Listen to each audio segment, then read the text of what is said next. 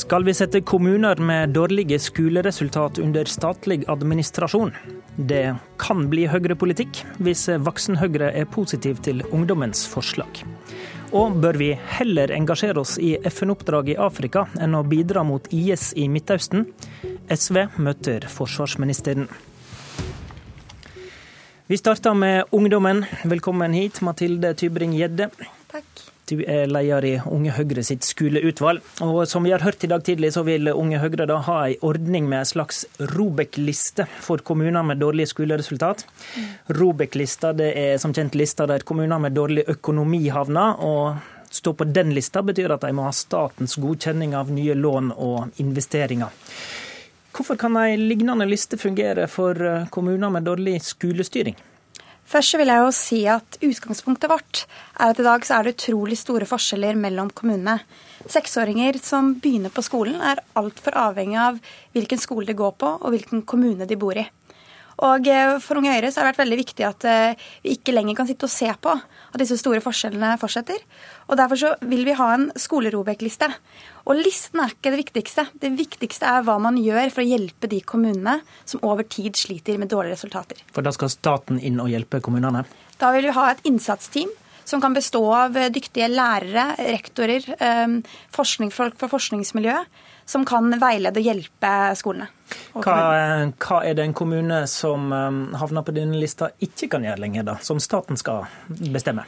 Nei, Først og fremst så vil jeg mene at innsatsteamet fungerer som en veileder. Det gir tips, råd, kommer med erfaringer fra andre kommuner som har knukket koden og hjulpet skolene sine. Men så kan det oppstå noen situasjoner der innsatsteamet vil f.eks. For fordele ressursene annerledes. Og da mener jeg at hvis du havnet på skolerobek-listen, så skal innsatsteamet ha en viktig rolle.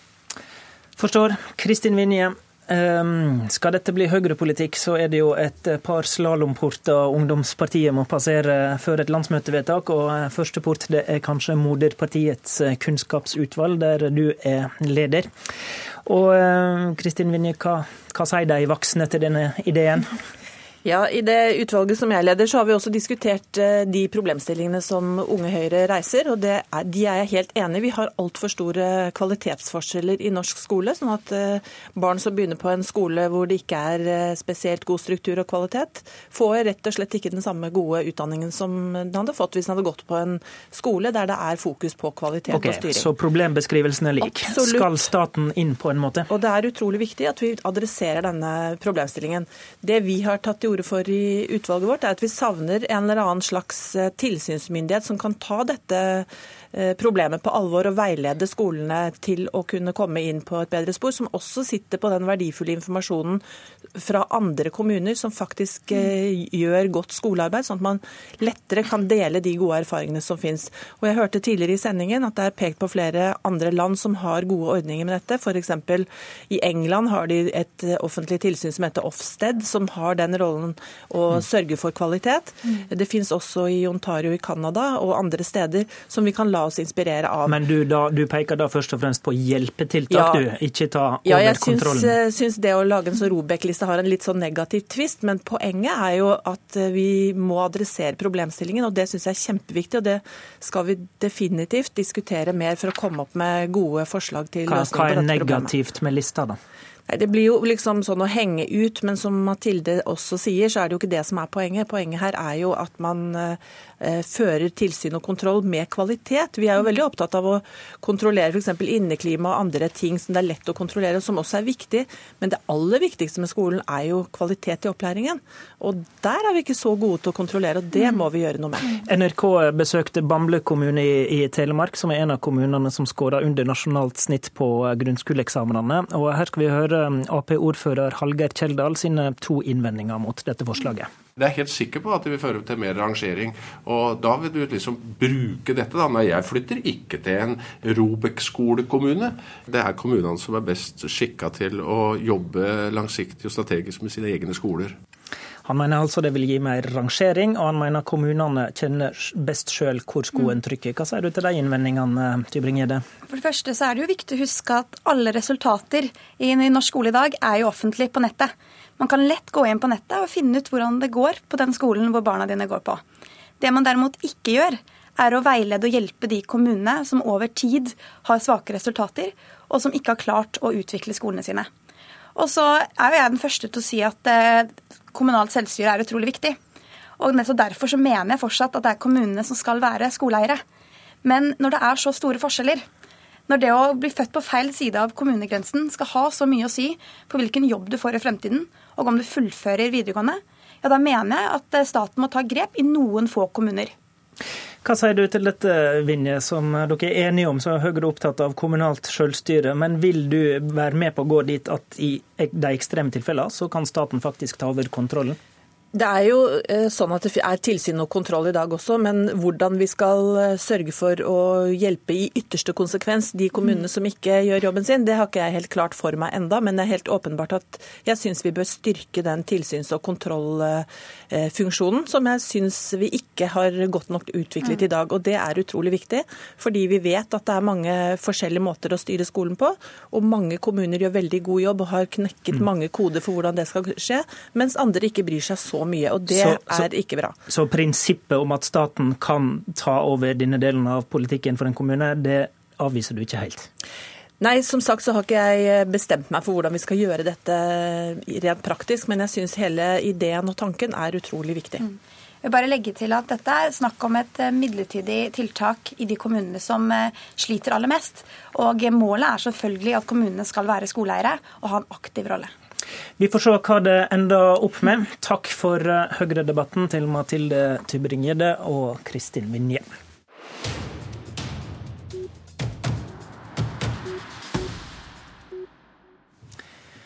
Hva for et formål skal vi bruke våre knappe militære ressurser til? Om eh, ikke lenge så kunngjør forsvarsministeren om og eventuelt hvordan vi skal bidra i kampen mot eh, IS. Samtidig så eh, sendte vi i går et eh, transportfly og mannskap til FNs fredsbevarende operasjon i Mali i Afrika. SV mener at vi bør gjøre mer av eh, slike sistnevnte FN-oppdrag i Afrika, framfor å bidra i kampen mot IS i Midtøsten. Hvorfor det, Heikki Holmås? FN-operasjoner er viktige fordi FN har fått myndighetene og alle verdens land til å gripe inn for å forebygge krig, megle fred og for å prioritere hvor det er vi skal sette inn militære styrker, nemlig de stedene der verdenssamfunnet mener det er viktigst. Og Det er et faktum at Nato-land som Norge ikke gjør eh, sin del av jobben i FNs fredsstyrker. Ser du på bidragene fra i fjor, så kom Italia ut som beste Nato-land på 26.-plass.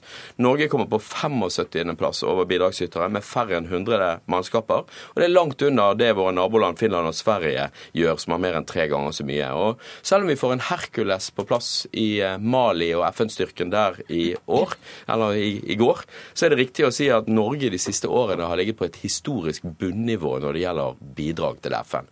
Det mener jeg er feil prioritering. Hvor mener du vi bør eh, bidra konkret?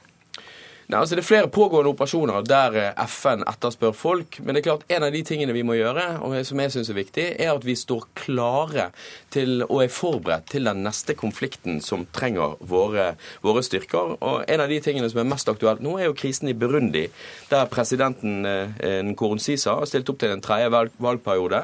Det har vært konflikt eh, det siste, det siste året. Den tredje valgperioden er i strid med Grunnloven. Kritiske medier er stengt, opposisjonen har flyktet.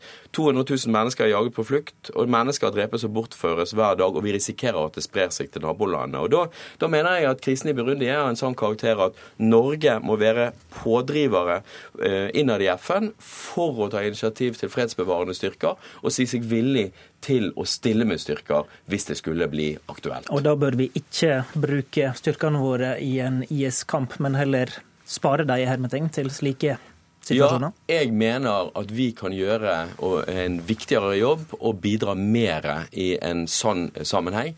Det er der eh, vi trengs, og det er det som vil bidra til mest fred og sikkerhet. Forsvarsminister Ine Eriksen Søreide, vi har et eh, begrensa antall soldater og militære ressurser. Hva er det rett å bruke dem på? Ja, det vil alltid være en konkret vurdering Norge gjør, både av hensyn til hva vi kan bidra med i en aktuell eh, operasjon, eh, sikkerhetspolitiske vurderinger, og det skal være også i tråd med norske interesser. Det har egentlig ligget til grunn for eh, de valgene Norge har gjort gjennom mange tiår. Og det kommer det fortsatt til å gjøre. I dag eh, har vi dobbelt så mange soldater til stede i FN-leda operasjoner som vi har i Nato-operasjoner. Og eh, i går sendte vi Hercules-flyet vårt eh, til Mali. Det betyr mer enn en tredobling av det bidraget vi har hatt der siden høsten 2013. Det er en operasjon som er interessant av mange grunner. En av grunnene er at dette er egentlig en av de første operasjonene hvor vestlige land får et veldig tydelig fotavtrykk. Eh, FN-leda operasjoner har jo ofte både afrikansk, afrikanske og asiatiske eh, hovedstyrker. Men, men, men, la meg stoppe deg litt. for Selv om du sier dobbelt så mange, så er det jo et faktum at vi har jo aldri hatt så få soldater i FN-ledede fredsoperasjoner. Eh, sånn at det er jo ikke snakk om et stort nivå på dette nå. Bør det trappes opp, sånn som Holmås vil? Som sagt så er det konkrete vurderinger av operasjonene. Og det gjør vi jo alltid når vi enten får forespørsel om en operasjon, eller når vi ser at en operasjon kan være under oppseiling.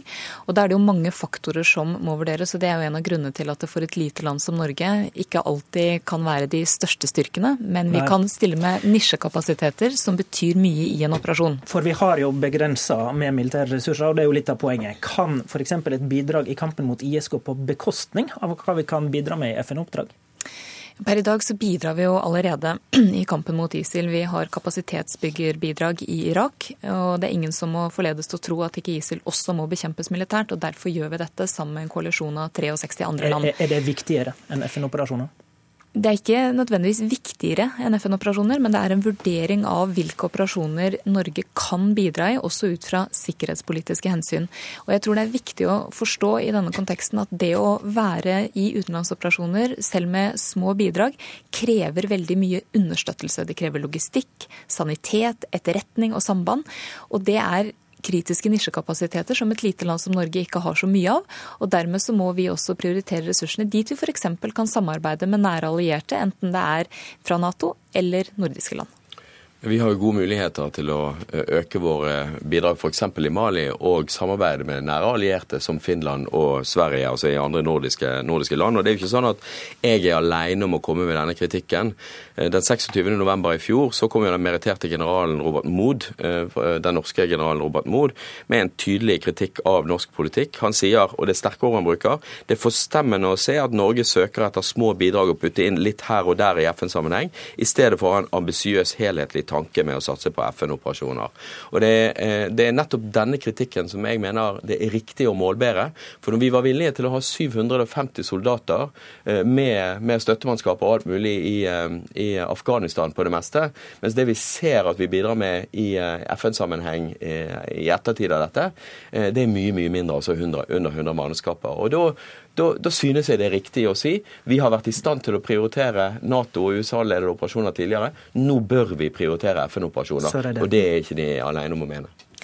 Jeg syns den kritikken treffer veldig dårlig av eh, særlig to grunner. Det ene er at eh, Norge har, eh, og jeg har vært veldig opptatt av det, vært en pådriver for at vi i de innspillene som nå har vært gitt til reform av FN-operasjoner, har søkt å bidra til at vi skal gjøre det enklere for små land som Norge å bidra. Og Det betyr også at når FN-operasjonene reformeres og moderniseres, så legger de også mer vekt på den type nisjebidrag som vi har stilt i Mali. F.eks. etterretnings- og analysebidrag, og nå transportflykapasitet.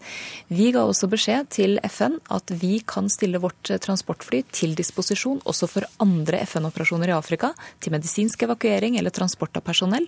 Det ble veldig godt mottatt. Og det er en måte å jobbe på som FN nå har begynt med, der de ser operasjonene mer i sammenheng, prøver å utnytte ressursene bedre, og det gir mer åpninger for små land som Norge. Noen har Holmås nevnt Burundi. Er det et land som er på din radar som en, eh, et område som det kan bli aktuelt å bidra med norske militære styrker? For det første er det jo veldig lite aktuelt for FN nå å sette i gang en operasjon der. Den afrikanske union har eh, godkjent en operasjon på 5000 personer der. Men, plan, men ikke, kan vi planlegge for? Ja, altså Det har jo ikke Burundi akseptert. Og FN har jo sagt at de heller ikke ønsker å sette i gang en operasjon så lenge Burundi ikke har akseptert det. Og Det betyr at det nok ligger noe inn i framtida, men det må være en konkret vurdering på linje med andre vurderinger vi gjør, dersom vi får forespørsler om å delta, om å bidra. Holmås. Altså, Før var det sånn at eh, SV eh, på autopilot ville si, eh, støttet FN fordi at vi mener det er viktig med en FN-ledet verdensorden, og Høyre nærmest på autopilot ville støtte USA. Mens nå er det jo sånn at også USAs president Barack Obama ønsker at vi skal øke og det har, bidragene. Og det har vi svart på, særlig i Nei, det har vi Håvard Grønli.